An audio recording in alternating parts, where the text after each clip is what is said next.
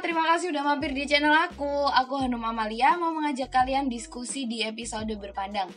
Kali ini bahasan kita agak sedikit berat ya mungkin.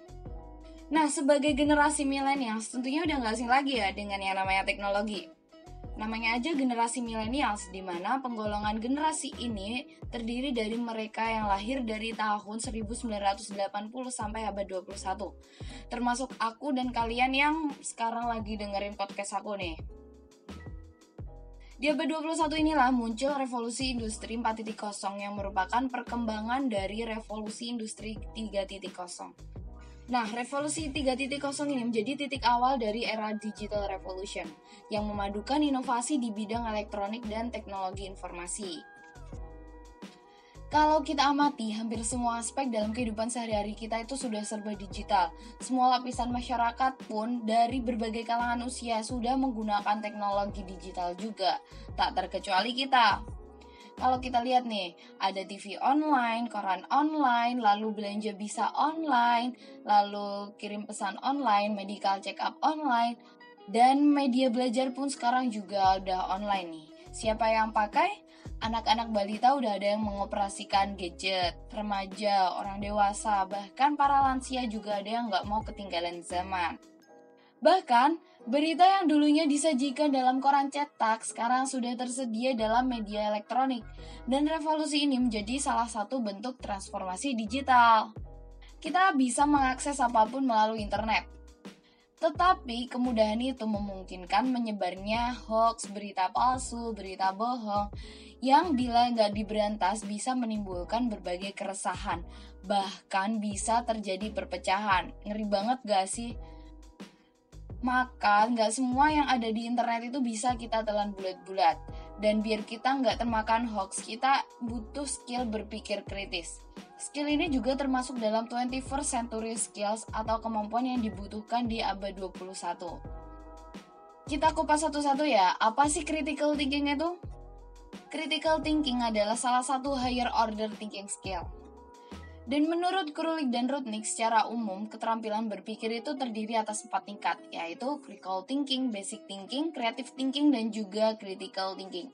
Tapi yang kita bahas sekarang adalah critical thinking aja nih. Secara sederhana, berpikir kritis adalah proses mental untuk menganalisis atau mengevaluasi informasi.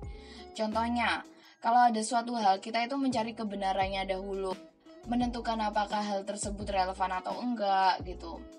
Nah, untuk dapat berpikir kritis, kita itu butuh menjadi open-minded, yang berarti menerima berbagai macam ide, argumen, dan informasi tentang suatu hal. Open-minded itu juga berarti berempati kepada orang lain, bahkan saat kita itu nggak setuju dengan mereka. Open-minded itu juga berarti willing to consider, mau mempertimbangkan other perspektif atau sudut pandang lain. Jadi kita itu nggak harus memaksakan orang lain itu harus sama dengan kita, harus pendapat dengan kita, harus seia, sekata dengan kita. No, realize that there is difference. Kita itu hidup dengan 7,7 miliar orang di bumi yang tentu saja memiliki keunikan masing-masing, memiliki perbedaan entah itu dari segi fisik atau suku, agama, ras, lalu kehidupan ekonomi, kehidupan sosial. Nah, apalagi dalam era serba digital ini, kita itu dipermudah untuk menemui mereka itu dalam media internet gitu. Nah, pertanyaannya, kenapa sih kok orang-orang itu bisa punya sudut pandang yang beda-beda? Karena pada dasarnya tiap orang itu punya persepsi yang berbeda-beda ketika melihat suatu hal. Kenapa? Karena mereka itu menerima stimulus atau informasi yang berbeda-beda setiap harinya. Sehingga menghasilkan sudut pandang yang sehingga menghasilkan sudut pandang terhadap suatu hal sebagai kebalikan dari open-minded yaitu close-minded, artinya menolak pikiran orang lain dengan tegas dan gak mau menerima ide atau argumen baru. Jadi orang yang close-minded itu cenderung berpegung te cenderung jadi orang yang jadi orang yang close-minded itu akan berpegung jadi orang yang close-minded itu akan berpegang teguh pada pendapatnya, sekalipun ia itu tahu bahwa pendapat orang lain itu argumen ilmiah. Ia itu cenderung lebih senang memaksakan apa yang diketahuinya daripada menerima sesuatu yang baru.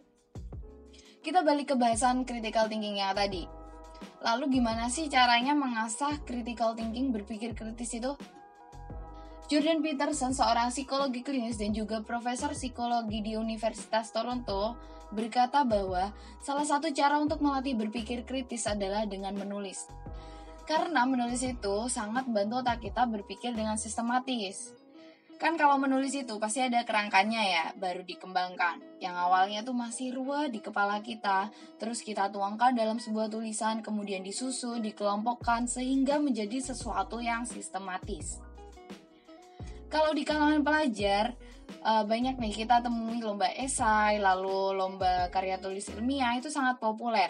Dan ternyata itu bisa membantu kita melatih berpikir kritis. Mungkin pas di sekolah itu kita cuma tahu guru menyuruh kita untuk menulis itu, mengerjakan itu.